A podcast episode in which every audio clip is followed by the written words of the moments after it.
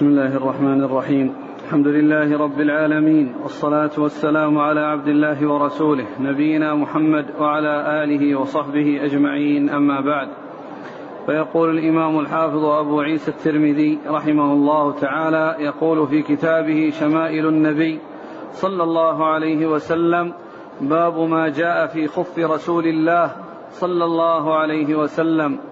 قال حدثنا هناد بن السري قال حدثنا وكيع عن دلهم بن صالح عن حجير بن عبد الله عن ابن بريدة عن أبيه رضي الله عنه أن النجاشي أهدى للنبي صلى الله عليه وسلم خفين أسودين ساذجين فلبس فلبسهما ثم توضأ ومسح عليهما.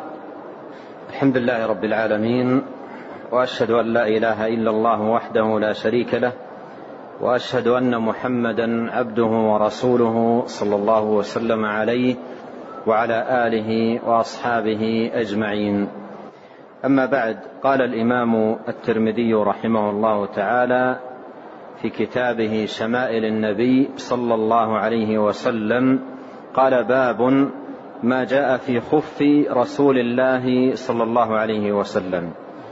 هذه الترجمة عقدها رحمه الله لبيان ما يتعلق بخف رسول الله عليه الصلاة والسلام. والخف معروف وهو جمع خفاف وهو ما يلبس من ما يلبس في القدم ويصنع من الجلد ويغطي القدم كاملة. فعقد رحمه الله تعالى هذه الترجمة ليبين ما يتعلق بخفه عليه الصلاة والسلام. من حيث صفة الخف وشكله وما يتعلق به من صفات. وأورد رحمه الله في هذه الترجمة حديثين. الأول حديث بريدة رضي الله عنه أن النجاشي أهدى للنبي صلى الله عليه وسلم خفين أسودين ساذجين فلبسهما ثم توضأ ومسح عليهما. قوله أن النجاشي النجاشي هذا لقب لملوك الحبشة. وهذا الملك المعين اسمه أصحمة. والنجاشي لقب لملوك الحبشة. والنجاشي آمن بالنبي عليه الصلاة والسلام وأقر برسالته واعتنق هذا الدين ومات على الإسلام. ولما توفي رضي الله عنه ورحمه صلى عليه نبينا صلى الله عليه وسلم صلاة الغائب. فالنجاشي أهدى للنبي صلى الله عليه وسلم خفين. أهدى للنبي عليه الصلاة والسلام خفين أي بعث له بهدية خفين. والخف عرفناه وهو ما يلبس في القدم يغطيها كاملة يصنع من الجلد. قال أسودين أي لونهما أسود. قال ساذجين أي غير منقوشين غير منقوشين وليس عليهما شعر وإنما ساذجين. بتعبيرنا المعاصر سادة نقول يعني ليس عليه زينة أو نقش أو عليه شعر أو نحو ذلك وإنما هو ساذج. قال ساذجين. قال فلبسهما. لاحظ العطف بالفاء التي تفيد الفورية. وهذا فيه لطفه عليه الصلاة والسلام في قبول الهدية. ومسارعته إلى الإفادة منها مما يدخل السرور على المهدي. ويدخل الفرح عليه. والمهدي إذا اهدى لغيره مثلا ثوبا أو عمامة أو حذاء فوجده لبسه مباشرة يفرح بذلك ويسر. ولهذا نلاحظ في هذا الحديث والذي بعده أيضا لما أهدى له دحية قال فلبسهما عطف بالفاء لم يقل ثم لبسهما أو فيما بعد لبسهما قال فلبسهما عطف بالفاء التي تفيد الفورية وأيضا تفيد, تفيد المسارعة. إلى هذا الأمر. قال فلبسهما ثم توضأ ومسح عليهما. ثم توضأ ومسح عليهما. أي أنه عليه الصلاة والسلام كان من شأنه أن يتوضأ ويلبس هذين الخفين ويمسح عليهما. والمسح على الخفين تواترت به الأحاديث عن رسول الله صلوات الله وسلامه عليه. الشاهد من الترجمة الشاهد من الحديث للترجمة أن النبي عليه الصلاة والسلام لبس الخفين وكانت صفة ولون خفيه وهيئتهما كما جاء في آه هذا الحديث ما أهداه له النجاشي آه آه لونهما أسود وهما ساذجان أي ليس عليهما شعر ليس عليهما نقش ليس عليهما زينة أو نحو ذلك. والحديث في إسناده دلهم بن صالح ضعيف وحجير بن عبد الله مقبول لكن الألباني رحمه الله ذكر ما يشهد له ويتقوى به. نعم. قال حدثنا قتيبة بن سعيد قال حدثنا يحيى بن زكريا بن أبي زائدة عن الحسن بن عياش عن أبي إسحاق عن الشعبي قال قال المغيرة بن شعبة رضي الله عنه أهدى دحية رضي الله عنه للنبي صلى الله عليه وسلم خفين فلبثهما وقال إسرائيل عن جابر عن عامر وجبة فلبثهما حتى تخرقا. لا يدري النبي صلى الله عليه وسلم أذكي هما أم لا. قال أبو عيسى وأبو إسحاق هذا هو أبو إسحاق الشيباني واسمه سليمان. ثم أورد رحمه الله تعالى هذا الحديث عن المغيرة بن شعبة. قال أهدى دحية للنبي صلى الله عليه وسلم خفين. دحية هو الكلب رضي الله عنه وكان من أجمل الصحابة. قد مر معنا أن جبريل كان يأتي إلى النبي عليه الصلاة والسلام على صورة دحية الكلب وكان رضي الله عنه جميلا وكان من أجمل أصحاب النبي صلى الله عليه وسلم. أهدى للنبي صلى الله عليه وسلم خفين. فلبسهما. هذا هذا الشاهد من الحديث للترجمة أن النبي عليه الصلاة والسلام صح عنه أنه لبس الخفين. صح عنه عليه الصلاة والسلام أنه لبس الخفين. أهدى له النجاشي كما في الحديث السابق خفين فلبسهما وأهدى له دحية خفين فلبسهما. قال وقال إسرائيل عن جابر عن عامر. عامر هو الشعبي مر معنا في الإسناد الذي قبله. والمصنف رحمه الله يشير إلى أن الحديث جاء من طريقين من طريق أبي إسحاق وعرف به المصنف قال وأبو إسحاق هذا هو أبو إسحاق الشيباني واسمه سليمان. والطريق الثانية طريق جابر وهو ابن يزيد الجعفي ضعيف جدا ضعيف الحديث جدا. والطريقة التي هي طريق جابر فيها زيادة وجبة يعني أهدى له دحية خفين وجبة فلبسهما. وأيضا فيه زيادة حتى تخرق. لا يدري النبي صلى الله عليه وسلم أذكي هما أم لا. أي لا يدري هل أنه مذبوح بتذكية شرعية ذبح وسمي عليه عند الذبح أم لا.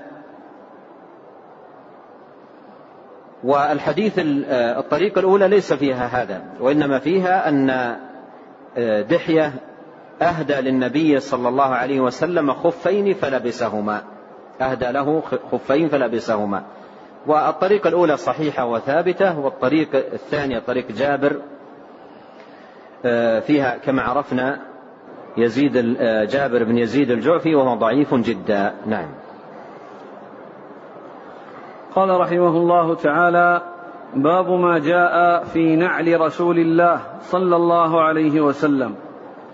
قال حدثنا محمد بن بشار قال حدثنا أبو داود الطيالسي قال حدثنا همام عن قتادة أنه قال قلت لأنس بن مالك رضي الله عنه كيف كان نعل رسول الله صلى الله عليه وسلم؟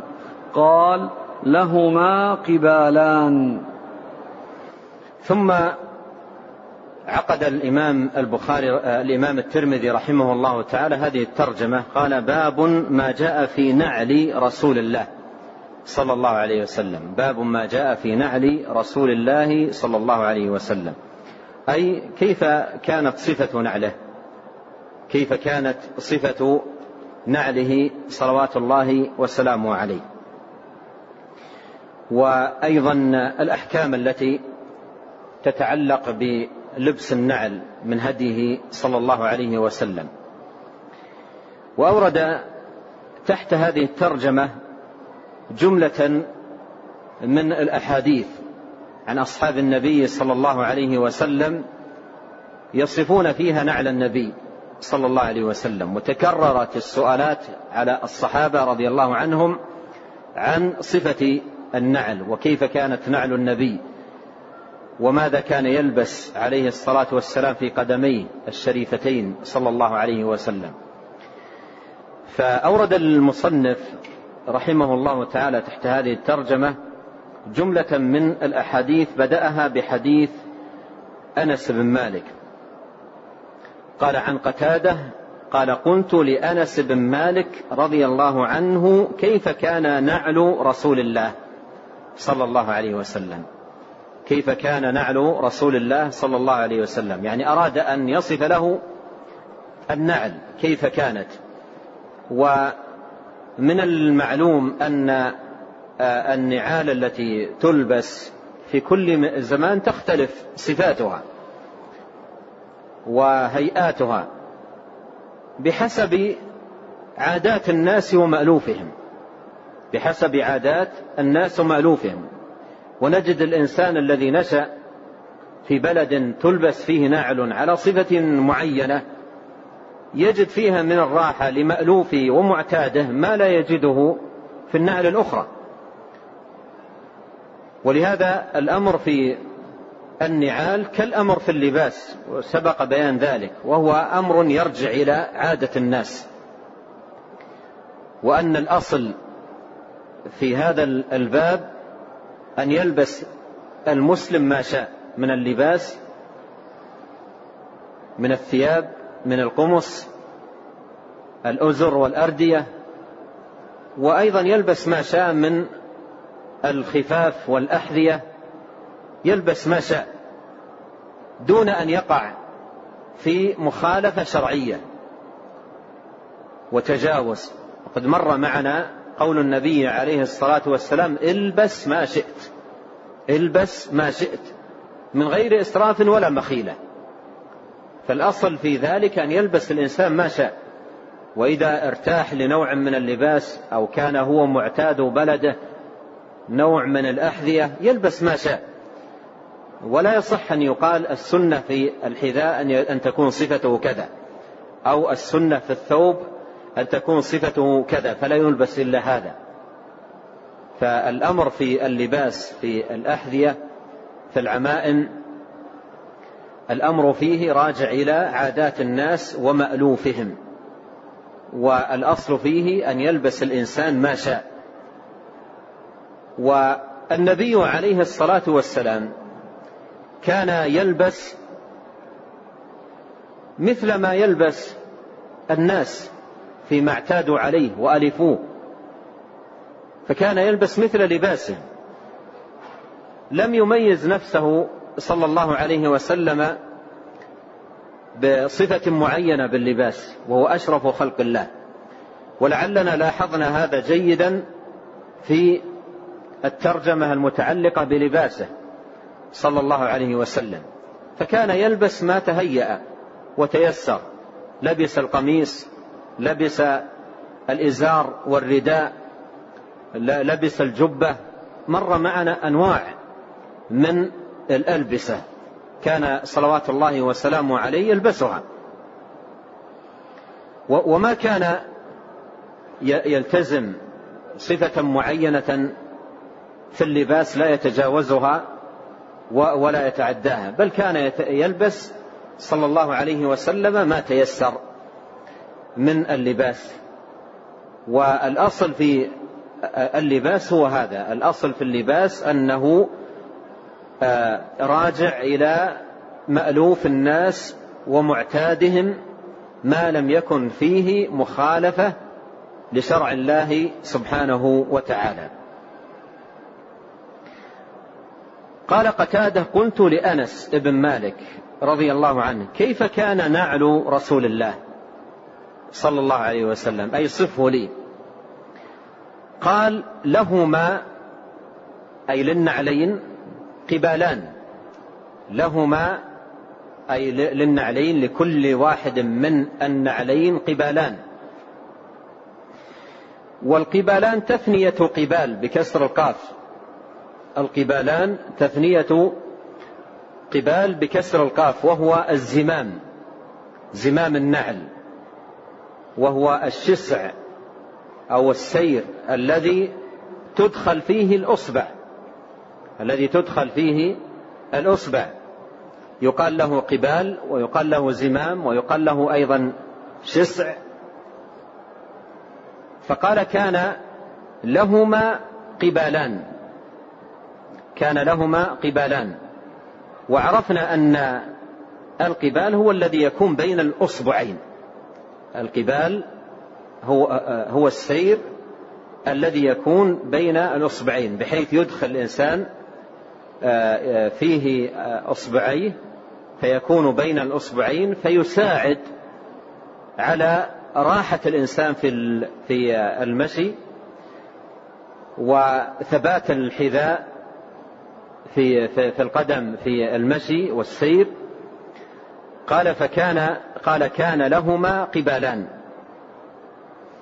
ووصف نعل النبي عليه الصلاة والسلام بأن لها قبالين يأتي في عدد من الأحاديث التي ساقها المصنف رحمه الله تعالى. نعم. قال حدثنا أبو كريب محمد بن العلاء قال حدثنا وكيع عن سفيان عن خالد الحذاء عن عبد الله بن الحارث عن ابن عباس رضي الله عنهما أنه قال كان لنعل رسول الله صلى الله عليه وسلم قبالان مثني شراكهما. ثم أورد رحمه الله تعالى هذا الحديث عن ابن عباس رضي الله عنهما قال كان لنعل رسول الله صلى الله عليه وسلم قبالان. كان لنعل رسول الله صلى الله عليه وسلم قبالان. والقبالان عرفنا معناهما. قال مثني شراكهما. الشراك هو أحد سيور النعل يكون على وجهها. أحد سيور النعل يكون على وجه النعل. وقوله مثني شراكهما أي مجعول اثنين. يعني مجعول فيهما اثنين من السيور. مجعول فيهما اثنين من السيور. مثني شراكهما. كان لنعل رسول الله صلى الله عليه وسلم قبالان أي زمامان والزمام هو الذي يجعل بين الأصابع السير الذي يجعل بين الأصابع لتثبيت القدم في السير. قال مثني شراكهما أي جعل لهما آه، آه، سيرين آه، اثنين. نعم. قال حدثنا أحمد بن منيع قال حدثنا أبو أحمد الزبيري قال حدثنا عيسى بن طهمان قال أخرج إلينا أنس بن مالك رضي الله عنه نعلين جرداوين لهما قبالان. قال فحدثني ثابت بعد عن أنس أنهما كانتا نعلي, نعلي النبي صلى الله عليه وسلم. ثم أورد رحمه الله تعالى هذا الحديث عن عيسى بن طهمان قال أخرج إلينا أنس بن مالك رضي الله عنه نعلين. نعلين جرداوين. جرداوين أي لا شعر عليهما. جرداوين أي لا شعر عليهما. يقال أرض جرداء أي لا نبات فيها. أرض جرداء أي لا نبات فيها. وقوله هنا أن علين جرداوين أي لا شعر فيهما. لا لا شعر فيهما. يعني آه، مثل ما سيأتي معنا سبتيتين. سبتيتين أيضا هو بنفس المعنى. أي لا شعر آه، لا شعر عليهما. دبغت وأزيل منها آه، الشعر. أزيل منها الشعر والحذاء إذا أزيل منها الشعر يكون أبقى وأنظف وأطهر وأحسن أيضا منظرا. فيقول أخرج لنا نعلين جرداوين. جرداوين عرفنا معناهما. قال لهما قبالان وأيضا عرفنا معنى القبالين. قال فحدثني ثابت بعد عن أنس.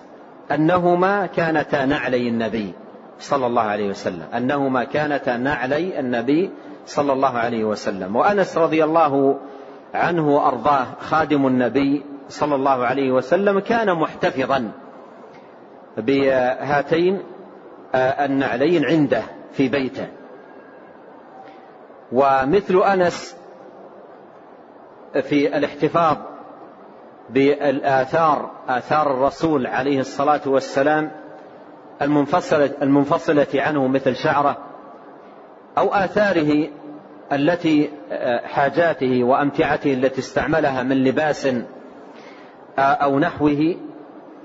هذا يأتي في نصوص كثيرة في احتفاظ السلف بذلك مثل بجبته عليه الصلاة والسلام أو نعله كما هنا. أو أوعيته التي كان يشرب بها عليه الصلاة والسلام. وكان الصحابة رضي الله عنهم يتبركون بآثاره عليه الصلاة والسلام آثاره المنفصلة عنه وآثاره التي كانت ملازمة لبدنه من جبة ونعل ونحو ذلك.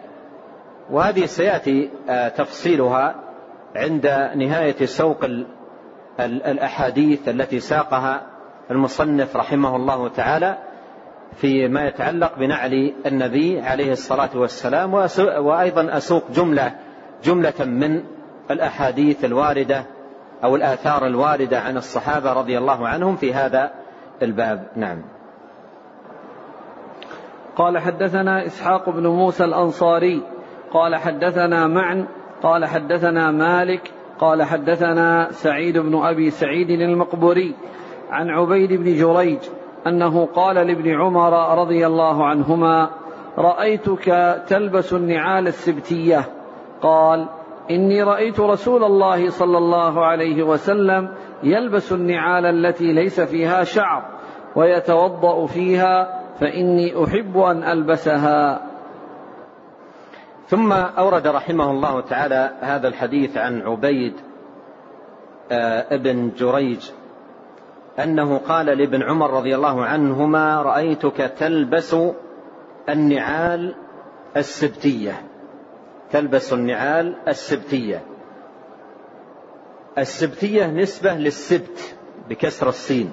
السبتية نسبة للسبت بكسر السين وهو جلود البقر, البقر لأن شعرها يسقط. يسبت شعرها أي يسقط ولهذا يقال لها سبتية. فالنعل السبتية هي المصنوعة من الجلد المدبوغ الذي سقط منه شعره فليس عليه شعر. مثل ما مر معنا جرداوين. جرداوين أي ليس عليها شعر. فقوله سبتيتين أي مدبوغتين فلا شعر لها. هذا معناها باختصار. سبتيتين أي مدبوغتين فلا شعر لها. هذا معنى النعل السبتية. قال رأيتك تلبس النعال السبتية. قال إني رأيت رسول الله صلى الله عليه وسلم يلبس النعال التي ليس فيها شعر وهذا معنى السبتية. قال إني رأيت رسول الله صلى الله عليه وسلم يلبس النعال التي ليس فيها شعر. والنعال إذا صنعت من الجلود من جلود بهيمة الأنعام إما أن تصنع والشعر باقي والشعر باقي ربما يقص منه ويخفف أو أنه أو أنها تدبغ بحيث يذهب الشعر بحيث يذهب الشعر الشعر ولا يبقى منها شيء وتبقى النعل سطحها ووجهها أملس وناعم ونظيف لا ترى عليه شعر. فإذا كانت بهذه الصفة يقال لها جرداء ويقال لها أيضا سبتية ويقال لها سبتية. فيقول رأيت النبي صلى الله عليه وسلم يلبس النعل التي ليس فيها شعر ويتوضأ فيها. ويتوضأ فيها. يتوضأ فيها يحتمل أنه يتوضأ وهي عليه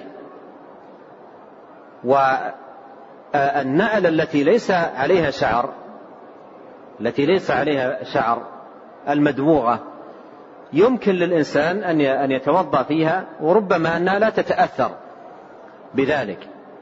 أو يكون المعنى كما قال النووي رحمه الله تعالى معنى ويتوضأ فيها قال أن يتوضأ ويلبسها بعد ويلبسها بعد ورجلاه رطبتان. ويلبسها بعد ورجلاه رطبتان. فقوله يتوضأ فيها إما أنه يتوضأ وهي عليه يتوضأ وهي عليه أو أنه يتوضأ ويلبس النعلين ورجلاه صلى الله عليه وسلم رطبتان من أثر الوضوء. قال أنا قال ابن عمر فأنا أحب أن ألبسها. فأنا أحب أن ألبسها أي أحب أن ألبس النعل السبتية لذلك. نعم. قال حدثنا إسحاق بن منصور قال حدثنا عبد الرزاق عن معمر عن ابن أبي ذئب عن صالح عن صالح المولى التوأمة. عن أبي هريرة رضي الله عنه أنه قال كان لنعل رسول الله صلى الله عليه وسلم قبالان ثم أورد رحمه الله تعالى حديث أبي هريرة رضي الله عنه قال كان لنعل رسول الله صلى الله عليه وسلم قبلان وهو بمعنى حديث أنس وحديث ابن عباس آه، رضي الله عنهم وقد تقدم نعم.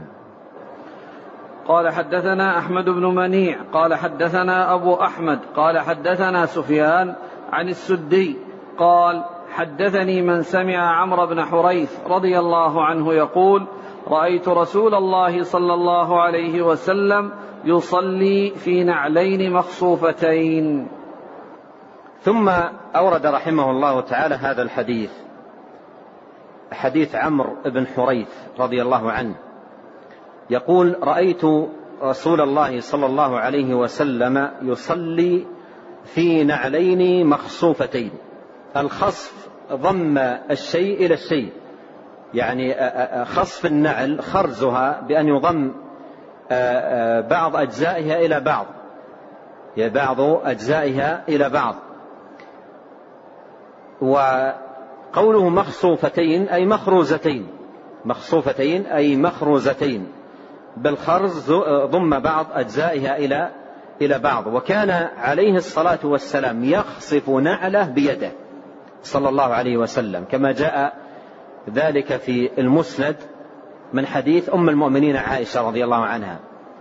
فذكرت عليه الصلاة والسلام من أعماله مهنته صلى الله عليه وسلم وذكرت أنه كان يخصف نعله بيده يمسك نعله صلى الله عليه وسلم بيده الشريفة صلوات الله وسلامه عليه ويخرزها بيده يخرزها صلى الله عليه وسلم بيده. فقال رأيت رسول الله قال عمرو رضي الله عنه رأيت رسول الله صلى الله عليه وسلم يصلي في نعلين مخصوفتين يصلي في نعلين مخصوفتين. وفي الحديث صلاته عليه الصلاة والسلام بالنعلين وهذا صح فيه عنه صلى الله عليه وسلم الحديث عن غير واحد من الصحابة الصلاة في النعلين. وجاء عنه الأمر بذلك صلى الله عليه وسلم. فالصلاة في النعلين كانت من هديه صلى الله عليه وسلم.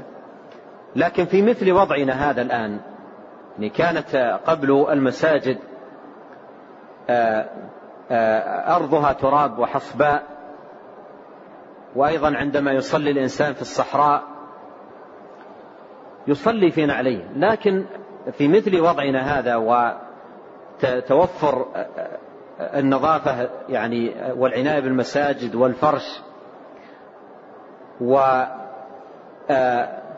أيضا وقرب أماكن الوضوء وعدم وجود في الطريق يعني مثل التراب الذي يطهر النعل. فمثل وضعنا هذا لا يصلى لا يدخل في المساجد ويمشى على على الفرش بالنعال ويقول القائل أنا أريد أن أطبق السنة لا يقال هذا. وإنما يلبس يصلي بنعليه إذا كان يصلي في العراء أو كان المسجد مثلا أرضه حصباء وتراب فيفعل ذلك. أما في مثل هذه المساجد وبهذه الصفة فلا يفعل ذلك. والله تعالى أعلم. آه، الحديث حديث عمرو آه، بن حريث في إسناده من لم يسم وهو راوي آه، الحديث عن عمرو. قال السدي حدثني من سمع عمرو. لم يسم. وهذه تعد علة قادحة في الحديث. تعد علة قادحة في الحديث. لكن جاء آه، ما يقوي هذا الحديث عند الإمام أحمد رحمه الله تعالى وغيره من طريق مطرف بن عبد الله بن الشخير. فيصح الحديث بذلك. وأيضا عرفنا أن في المسند وغيره صح من حديث عائشة أن النبي عليه الصلاة والسلام كان يخصف نعليه بيديه يخصف عليه بيديه. فهذا يدل على ما دل عليه هذا الحديث أن النبي صلى الله عليه وسلم كان يلبس النعلين المخصوفتين. النعلين المخصوفتين نعم. الله عليك. هذا يقول آه، إذا صليت في الساحات هل أطبق هذه السنة؟ في الساحات نفس الوضع يعني إذا كان الأمر مما يتأذى به الناس وربما يكون سببا تلويث المكان بتراب أو نحوه فلا يفعل ذلك. نعم. وإذا كان الأمر لا يعني لا يترتب عليه مثل هذه الآثار لا حرج. قال حدثنا إسحاق بن موسى الأنصاري قال حدثنا معا قال حدثنا مالك عن أبي الزناد عن الأعرج عن أبي هريرة رضي الله عنه أن رسول الله صلى الله عليه وسلم قال لا يمشين أحدكم في نعل واحدة لينعلهما جميعا أو ليحفهما جميعا. قال حدثنا قتيبة عن مالك عن أبي الزناد نحوه. أنهى المصنف ما يتعلق بصفة نعله عليه الصلاة والسلام ثم شرع في ذكر هديه صلى الله عليه وسلم في لبس لبس النعل. فأورد حديث أبي هريرة رضي الله عنه أن رسول الله صلى الله عليه وسلم قال لا يمشين أحدكم في نعل واحدة. بحيث تكون إحدى الرجلين فيها نعل والأخرى حافية. نهى عن ذلك صلوات الله وسلامه عليه. قال لا يمشين أحدكم في نعل واحدة لينعلهما جميعا أو ليحفيهما جميعا. يعني إما أن يمشي بالرجلين منعولتين كل واحدة فيها نعل أو يمشي بها حافيتين. أما أن تكون إحدى الرجلين حافية والأخرى فيها النعل فهذا نهى عنه صلوات الله وسلامه عليه. نهى عنه صلوات الله وسلامه عليه. ذكر في الحكمة في ذلك ذكر في الحكمة في ذلك آه، أمران أو أوضح ما ذكر في الحكمة في ذلك أمران. الأمر الأول لئلا يكون في ذلك تشبه من المسلم بالشيطان. لئلا يكون في ذلك تشبه من المسلم بالشيطان. ولهذا جاء في بعض طرق الحديث أن النبي صلى الله عليه وسلم قال فإن الشيطان يمشي في نعل واحدة. فإن الشيطان يمشي في نعل واحدة. فمن الحكمة في عدم لبس النعل في في قدم وإحفاء الأخرى لئلا يكون المسلم بذلك متشبها بالشيطان الذي يمشي بنعل واحدة كما صح بذلك الحديث عن رسول الله صلى الله عليه وسلم. الحكمة الثانية في هذا الأمر لئلا يكون ظلم للبدن. والشريعة جاءت بالعدل. الشريعة جاءت بالعدل أن يعدل الإنسان حتى مع بدنه. حتى مع بدنه. وإذا مشى بنعل واحدة والأخرى حافية. إن كانت الأرض حارة ظلم الرجل الحافية. وإذا كانت باردة أيضا يضرها البرد يكون ظلمها بذلك. والشريعة جاءت بالنهي عن عن الظلم. وقد نقل العلامة ابن القيم رحمه الله في كتابه تحفة الودود في أحكام المولود عن شيخ شيخ الإسلام ابن تيمية رحمه الله تعالى كلاما عظيما. نصه قال وهذا من كمال محبة الله ورسوله صلى الله عليه وسلم للعدل فإنه أمر به حتى في شأن الإنسان نفسه حتى في شأن الإنسان نفسه فنهاه أن يحلق بعض رأسه ويترك بعضه. نهاه أن يحلق بعض رأسه ويترك بعضه لأنه, ظل لأنه ظلم للرأس حيث ترك بعضه كاسيا وبعضه عاريا. ونظير هذا أنه صلى الله عليه وسلم نهى عن الجلوس بين الشمس والظل. نهى عن الجلوس بين الشمس والظل. فإنه ظلم لبعض بدنه. ونظيره أنه صلى الله عليه وسلم نهى أن يمشي الرجل في نعل واحدة بل إما أن ينعلهما أو يحفيهما. انتهى كلامه. فنلاحظ أن الشريعة جاءت بالعدل ومنعت الظلم ومن ذلكم النهي عن القزع في الرأس وأن يحلق بعض الرأس ويبقي بعضه. فهذا ظلم للرأس. يكون بعضه كاسيا بالشعر وبعضه محلوقا هذا ظلم له. وأيضا جلوس الإنسان بين الشمس والظل. جزء من بدنه في الظل وجزء من بدنه في الشمس فيتأذى الذي في الشمس ويتظلل الذي في الظل. هذا ظلم لجزء من بدنه. مثله تماما إذا مشى في ناعل واحدة. يكون ظلم القدم الأخرى.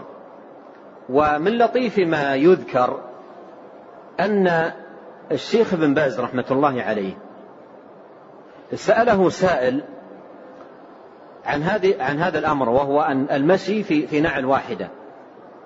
فقال له السائل لو كانت النعلة الثانية بعيدة عني خطوة أو خطوتين أمشي إليها بنعل واحدة؟ قال إن استطعت ألا تخالف السنة ولو بخطوة واحدة فافعل. إن استطعت ألا تخالف السنة ولو بخطوة واحدة فافعل. نعم. لكن يقول هذا إذا كانت إحدى الرجلين فيها نعل على شكل معين والآخر على شكل معين. فردة وفريدة إذا إذا لم يكن هناك ضرر في, في البدن إذا لم يكن هناك ضرر في البدن هذه من جهة. يعني لا يتضرر تتضرر إحدى القدمين مثل لو كانت إحداهما عالية والأخرى مثلا واطية. هذا فيه إضرار في البدن. أو تكون مثلا إحداهما مؤذية للقدم والأخرى مرتاحة بها القدم. فالمعنى يكون ظاهر الذي ذكره شيخ الإسلام ابن تيمية رحمه الله في مسألة العدل. هذا من جهة. من جهة أخرى نلاحظ أيضا في هذا الباب نهي النبي صلى الله عليه وسلم عن الشهرة. إذا كان الإنسان يريد أن يلبس نعلين آه، مختلفتين في الهيئة ويمشي بهما فهذا آه، نوع من التميز ربما يشار إليه به فيدخل في الدم الذي جاء عن النبي أو النهي الذي جاء عن النبي صلى الله عليه وسلم في لبس الشهرة. والله أعلم. قال حدثنا إسحاق بن موسى قال حدثنا معا قال حدثنا مالك عن أبي الزبير عن جابر رضي الله عنه أن النبي صلى الله عليه وسلم نهى أن يأكل يعني الرجل بشماله. أو يمشي في نعل واحدة. ثم أورد رحمه الله تعالى حديث جابر أن النبي صلى الله عليه وسلم نهى آه، أن يأكل يعني الرجل بشماله. نهى أن يأكل يعني الرجل. قوله يعني الرجل ليس معنى ذلك أن الحكم مختص بالرجال لكن يذكر الرجال غالبا في أحاديث الرسول صلى الله عليه وسلم لأنهم هم الذين يوجه لهم الخطاب في الغالب. وإلا الحكم يشمل الرجال والنساء على حد سواء. قال نهى أن يأكل بشماله وكذلك أن يشرب بشماله. جاء عنه عليه الصلاة والسلام النهي عن ذلك. فلا يجوز الأكل بالشمال ولا يجوز كذلك الشرب بالشمال. قال أو يمشي في نعل واحدة أي نهى عن أن يمشي الرجل في نعل واحدة بحيث تكون إحدى الرجلين فيهما فيها النعل والأخرى حافية. فهذا أمر نهى عنه النبي صلى الله عليه وسلم وهو بمعنى الحديث الذي قبله. نعم. قال حدثنا قتيبة عن مالك حا قال وحدثنا إسحاق بن موسى قال حدثنا معا قال حدثنا مالك عن أبي الزناد عن الأعرج عن أبي هريرة رضي الله عنه أن النبي صلى الله عليه وسلم قال إذا انتعل أحدكم فليبدأ باليمين وإذا نزع فليبدأ بالشمال فلتكن اليمين أولهما تنعل وآخرهما تنزع.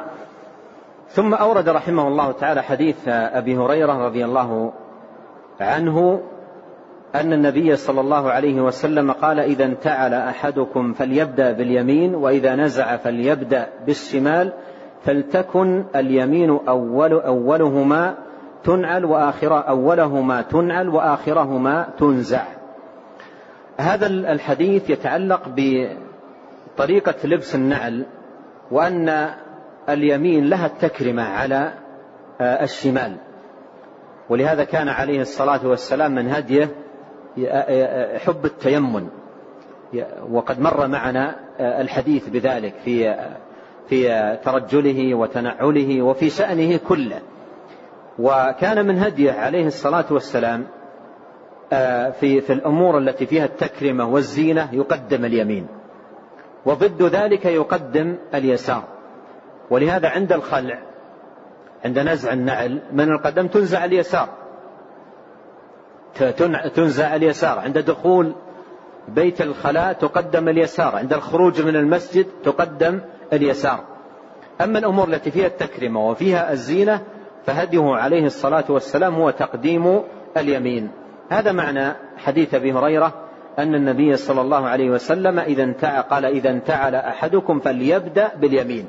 يعني لتكن اليمين أول ما ينعل أول ما يلبس يقدم آه، يدخل آه، قدمه اليمنى في نعله. وإذا نزع فليبدأ بالشمال. ثم وضح ذلك بقوله فلتكن اليمين أولهما تنعل وآخرهما تنزع. أولهما وآخرهما خبر كان. نعم. قال حدثنا أبو موسى محمد بن المثنى قال حدثنا محمد بن جعفر قال حدثنا شعبة قال حدثنا أشعث هو ابن أبي الشعثاء عن أبيه عن مسروق عن عائشة رضي الله عنها أنها قالت كان رسول الله صلى الله عليه وسلم يحب التيمن ما استطاع في تنعله وترجله وطهوره.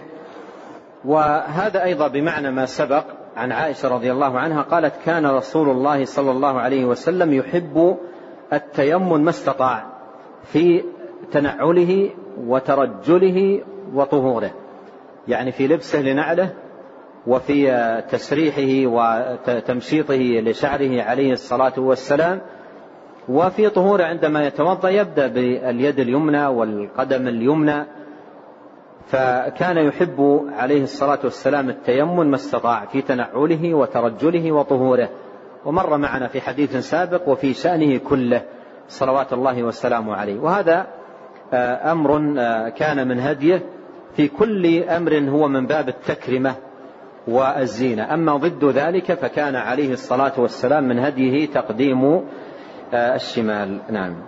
قال حدثنا محمد بن مرزوق أبو عبد الله قال حدثنا عبد الرحمن بن قيس أبو معاوية قال حدثنا هشام عن محمد عن أبي هريرة رضي الله عنه أنه قال كان لنعل رسول الله صلى الله عليه وسلم قبالان ولأبي بكر وعمر رضي الله عنهما وأول من عقد عقدا واحدا عثمان رضي الله عنه.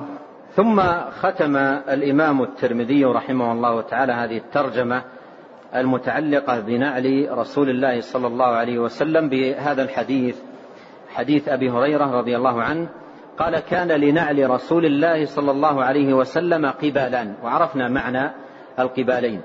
ولأبي بكر وعمر رضي الله عنهما أي مثل ذلك لنعلهما قبلان قال وأول من عقد عقدا واحدا عثمان رضي الله عنه وأول من عقد عقدا واحدا عثمان رضي الله عنه. وهذا الحديث آه، إسناده لا يثبت لأن فيه عبد الرحمن بن قيس أبو معاوية متروك كذبه أبو زرعة وغيره فالحديث لا يثبت. والأمر كما عرفنا في آه، النعال آه، واسع وهو أمر يرجع إلى ما يعتاده الإنسان ويألفه ويرتاح إليه والأمر في ذلك واسع. والنبي صلى الله عليه وسلم كان يلبس من النعال ومن اللباس ما يتفق ويتيسر له صلوات الله وسلامه عليه.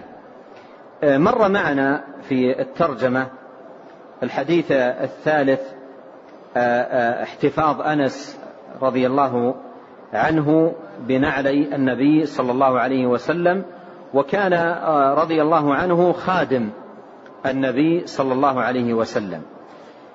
وهنا مسألة وهي مسألة التبرك بآثار النبي صلى الله عليه وسلم سواء منها الآثار المنفصلة من بدنه كالشعر. ومر معنا في هذا حديث أم سلمة آه، المتقدم. وسأشير إليه.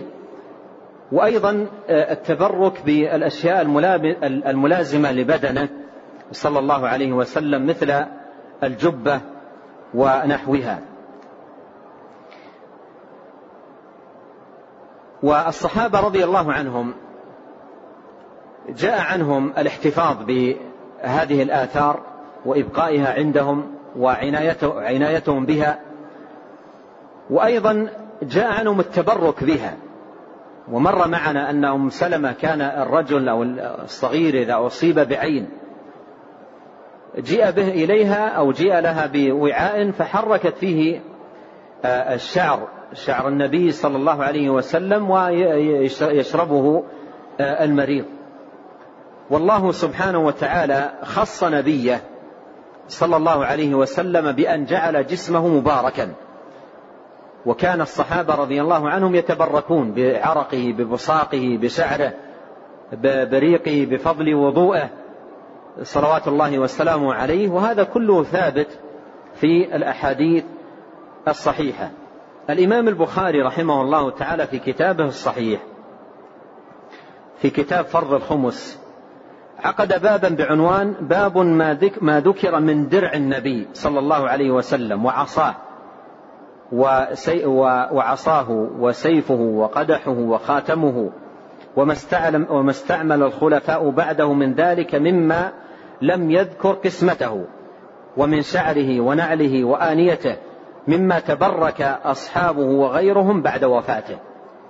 وأورد رحمه الله تعالى في هذا جملة من الأحاديث. منها حديث عيسى بن طهمان الذي مر معنا. قال أخرج إلينا أنس نعلين جرداوين لهما قبالان. فحدثني ثابت البناني بعد أن عن أنس أنهما نعل النبي صلى الله عليه وسلم. وأورد أيضا البخاري رحمه الله عن أبي بردة قال أخرجت إلينا عائشة رضي الله عنها كساء ملبدا وقالت في هذا نزع روح النبي صلى الله عليه وسلم. وفي رواية أخرى أخرجت إلينا عائشة إزارا غليظا مما يصنع باليمن وكساء من هذه التي يدعونها الملبدة. وأخرج الإمام البخاري رحمه الله في موضع آخر من صحيح عن عاصم الأحول قال رأيت قدح النبي صلى الله عليه وسلم عند أنس بن مالك وكان قد انصدع فسنسله أي أنس بفضة. قال أنس لقد سقيت رسول الله صلى الله عليه وسلم في هذا القدح أكثر من مرة. وروى الإمام مسلم رحمه الله تعالى في صحيحه عن أسماء بنت أبي بكر رضي الله عنها قالت أخرجت جبة طيالسة وقالت هذه كانت عند عائشة حتى قبض فلما قبضت قبضتها وكان النبي صلى الله عليه وسلم يلبسها فنحن نغسلها للمرضى يستشفى بها. فنحن نغسلها للمرضى يستشفى بها. وأيضا مثل هذا المعنى جاء عن بعض التابعين. ففي صحيح البخاري عن ابن سيرين رحمه الله تعالى أنه قال قلت لعبيدة عندنا من شعر النبي صلى الله عليه وسلم أصبناه من قبل أنس أو من قبل أهل أنس. فقال لأن تكون عندي شعرة منه أحب إلي من الدنيا وما فيها. لأن تكون عندي شعرة أحب إلي من الدنيا وما فيها. وهذا الحديث في صحيح أو هذا الأثر في صحيح البخاري. وأيضا مما جاء في هذا الباب ما جاء في صحيح البخاري عن عثمان بن عبد الله بن موهب رضي الله عنه قال أرسلني أهلي إلى أم سلمة زوج النبي صلى الله عليه وسلم بقدح من ماء. فيه شعر من شعر النبي صلى الله عليه وسلم وكان إذا أصاب الإنسان عين أو شيء بعث إليها مخضبة فيوضع الشعر فيه للتبرك. قال ابن حجر رحمه الله والمراد أنه كان من اشتكى أرسل إناء إلى أم سلمة فتجعل فيه تلك الشعرات وتغسلها فيه وتعيده فيشربه صاحب الإناء أو يغتسل به استشفاء فتحصل له آه، بركتها. وأيضا جاء هذا المعنى في آثار آه، عديدة عن التابعين آه، رحمهم الله تعالى يطول ذكرها ونقلها. وما من شك أن التبرك بآثار رسول الله صلى الله عليه وسلم أمر ثابت.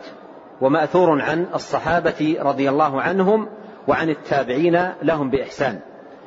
والتبرك بشعره والأمور التي هي منفصلة منه عليه الصلاة والسلام أمر ثابت وحق وهو أمر صحيح. وأيضا حكم ذلك باق على المشروعية.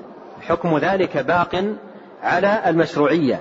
يعني لا يقتصر على الصحابة أو لا يقتصر على الصحابة وعلى التابعين بل هو باق. على المشروعية فإن بركة آثاره صلى الله عليه وسلم باقية ولم ترفع. بركة آه، شعره وبركة آثاره باقية لم ترفع. لكن هنا مسألة لا بد من طرقها وتناولها بالعرض والبحث والبيان. ألا وهي هل يوجد شيء من آثار رسولنا عليه الصلاة والسلام مثلا شعره أو نعله أو نحو ذلك في زماننا هذا بحيث يكون عندنا يقين تام وجزم أكيد أن أنه فعلا هو شعره أو أنه فعلا هو نعله عليه الصلاة والسلام. ولنستحضر هنا أن الحكم الذي هو التبرك بالشعر وبالآثار خاص به صلوات الله وسلامه عليه. فلا يتبرك بشعر غيره أو بآثار غيره كائنا من كان. ولهذا لم ينقل أبدا عن الصحابة التبرك بآثار عمر أو أبو بكر. وما ترك النبي صلى الله عليه وسلم في أمته خيرا من أبي بكر فما كانوا يتبركون بآثاره. ولا ولم يترك بعده خيرا من عمر وما كانوا يتبركون بآثاره. ولم يترك بعد عمر خيرا من عثمان وما كانوا يتبركون بآثاره. ثم علي رضي الله عنه وهكذا. ولم ينقل أنهم كانوا يتبركون بآثار أحد غير آثاره عليه الصلاة والسلام. هذه مسألة حقيقة مهمة حتى لا يقع الإنسان في شيء من المخالفة أو آه، الدخول أيضا في شيء من الأوهام أو الخرافة أو الأمور التي لا مستند لها ولا زمام لها ولا خطام. فهل يوجد شيء من آثاره عليه الصلاة والسلام في هذا الزمان بحيث يجزم يقينا وفعلا أنه عليه الصلاة والسلام من آثاره من شعر أو نحوه؟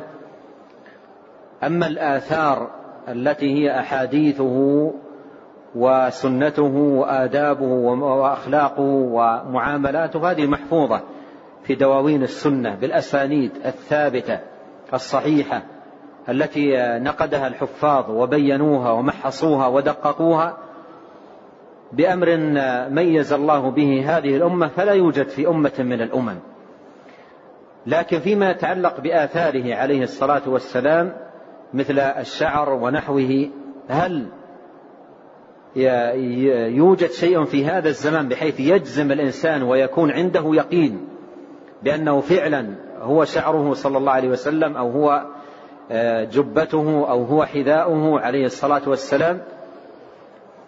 ولا بد من اليقين هنا حتى لا يقع الإنسان في مجازفة ومخاطرة لأن التبرك إنما هو بآثاره هو دون غيره. إذا لم يكن عند الإنسان يقين تام أن هذا من آثاره حقا بدون شبهة وبدون لبس وإلا لا يجازف الإنسان ويمضي متبركا بشيء لا يقين عنده أنه من آثار النبي صلوات الله وسلامه عليه. فهنا سؤال كما يقال يطرح نفسه وللإجابة عليه أذكر جملة من النقاط حول هذا الموضوع. الأمر الأول مما نستحضره في هذا المقام قلة ما خلفه عليه الصلاة والسلام بعد موته من أشيائه وأموره الخاصة عليه الصلاة والسلام. يشهد لهذا ما رواه البخاري عن عمرو بن الحارث رضي الله عنه أنه قال ما ترك رسول الله صلى الله عليه وسلم عند موته درهما ولا دينارا ولا عبدا ولا أمة ولا شيئا إلا بغلته البيضاء وسلاحه وأرضا جعلها صدقة. الأمر الثاني أن كثيرا من هذه الآثار عبر التاريخ تعرضت للفقدان مع مر الأيام وتعرضت للضياع بأسباب كثيرة منها الحروب والفتن التي تنشب في الأمة على مر التاريخ. ولهذا من يطالع تاريخ آه، ابن كثير وغيره يجد ما يفيد آه، في هذا الباب. وجاء في الصحيحين عن ابن عمر أنه قال اتخذ رسول الله صلى الله عليه وسلم خاتما خاتما من ورق فكان في يده. ثم كان في يد أبي بكر ثم كان في يد عثمان آه، ثم كان في يد عمر ثم كان في يد عثمان حتى وقع منه أي من عثمان في بئر أريس. نقشه محمد رسول الله. فقد. بعض آه، آه، بعض الصحابة جاء عنه الوصية بدفن ما يوجد عنده من آثار أو من شعر. للرسول صلى الله عليه وسلم معه. مثل ما جاء عن سهل بن سعد رضي الله عنه أوصى بأن يدفن معه بعد موته. أوصى أن يدفن معه بعد موته. وأيضا من يطالع كتب التاريخ يعني في البداية والنهاية في مواضع أشار إلى أشياء فقدت مثل البردة والقضيب. قال فقدت في آخر الدولة العباسية حينما أحرقهما التتار عند غزوهم لبغداد. فإذا هذا أمر يلاحظ في في في التاريخ. الأمر الثالث وهو أهم ما يكون في هذا الباب وهو الدليل المثبت يقينا. الدليل المثبت يقينا. ويلاحظ على بعضهم عندما يطلب منه الدليل الذي يثبت به يقينا أن هذا فعلا من آثاره عليه الصلاة والسلام لا تجد عنده دليل يعني أحدهم سئل وسطر هذا في أوراق مكتوبة قال كان النعل عند عائشة. كان عند عائشة رضي الله عنها. ثم إن هذا النعل حذي حذوه والذين بعدهم أيضا حذوا حذوه. والذين بعدهم أيضا حذوا حذوه. ومضى يذكر بهذه الصفة هذا لا يعتبر آه، إسناد يجمد به الأمر ويثبت به. الإسناد يسند بالأسانيد الصحيحة عن فلان ووثيقة ثبت عن فلان إلى آخره مما يعرف به صحة الأمر. أما أن يذكر الأمر مرسلا هكذا فإن, فإن الباب يكون عرضة للأدعية بإدعاء أمور وأشياء تنسب إليه عليه الصلاة والسلام وهي لا تصح. وإذا استشعرنا هنا في هذا المقام أن أن النبي صلى الله عليه وسلم نسب إليه أحاديث بين الأئمة الحفاظ أنها لا تثبت.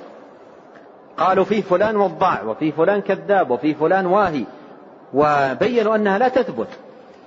فإذا هذا المقام مقام خطير جدا ويحتاج فيه فعلا الإنسان إلى أن يكون هناك أدلة يقينية تثبت هذا الأمر بحيث يكون الإنسان متأكد فعلا أنها من آثاره صلوات الله والسلام عليه مع مرور هذه القرون المتطاولة. ولهذا قال غير واحد من غير واحد من أهل العلم قالوا إن هذا هذه الآثار في مثل هذا الزمان لا يمكن الجزم بها. في مثل هذا الزمان لا يمكن الجزم بها لأنه ليس هناك آه، أدلة آه، يقينية تثبت هذا الأمر. ليس هناك أدلة يقينية تثبت هذا الأمر بمعنى أنه يوجد في زماننا شيء يتيقن الإنسان. والشاهد أن التبرك بشعره مشروع ودلت عليه الدلائل وقد سقت جملة منها لكن لا يجوز الإنسان أن يتبرك بشيء إلا عنده يقين تام. أما الدعاوى والتخرصات والظنون والأشياء المرسلة بلا أسانيد وبلا حجج بينة هذا كله لا, لا, لا يعتمد عليه ولا يقبل لأن المقام مقام خطير. هذا من ناحية. ناحية أخرى خطيرة في هذا الباب أن بعض الناس تجاوزوا في هذا الباب قضية التبرك التي كانت مأثورة عند الصحابة. إلى أن دخلوا إلى إلى أن دخلوا في نوع من المغالاة والمجازفة التي تؤثر على العقيدة تأثيرا بالغا. ولا أطيل بذكر الشواهد والأمثلة على ذلك لكنني أسمعكم بيتا واحدا لأحدهم يذكره في في في نعل النبي صلى الله عليه وسلم وتتناقل في بعض المواقع صورة يدعى أنها صورة لنعل النبي صلى الله عليه وسلم. وبتلك الصورة يتبرك بعض الناس. اولا هي صورة ليست النعل. وثانيا لا يدرى هل هي صورة للنعل أو لا. كل هذا يحتاج إلى إثبات. فأحدهم من مجازفته ومغالاته سجل تحت هذه الصورة هذا البيت. يقول ولما رأيت الدهر حارب الورى جعلت لنفسي نعل سيده حصنا. ولما رأيت الدهر حارب الورى جعلت لنفسي نعل سيده حصنا سيد الورى أي النبي عليه الصلاة والسلام. فجمع هذا البيت بين مخالفتين. المخالفة الأولى سب الدهر. لما رأيت الدهر حارب الورى والنبي عليه الصلاة والسلام صح عنه في غير ما حديث النهي عن سب الدهر.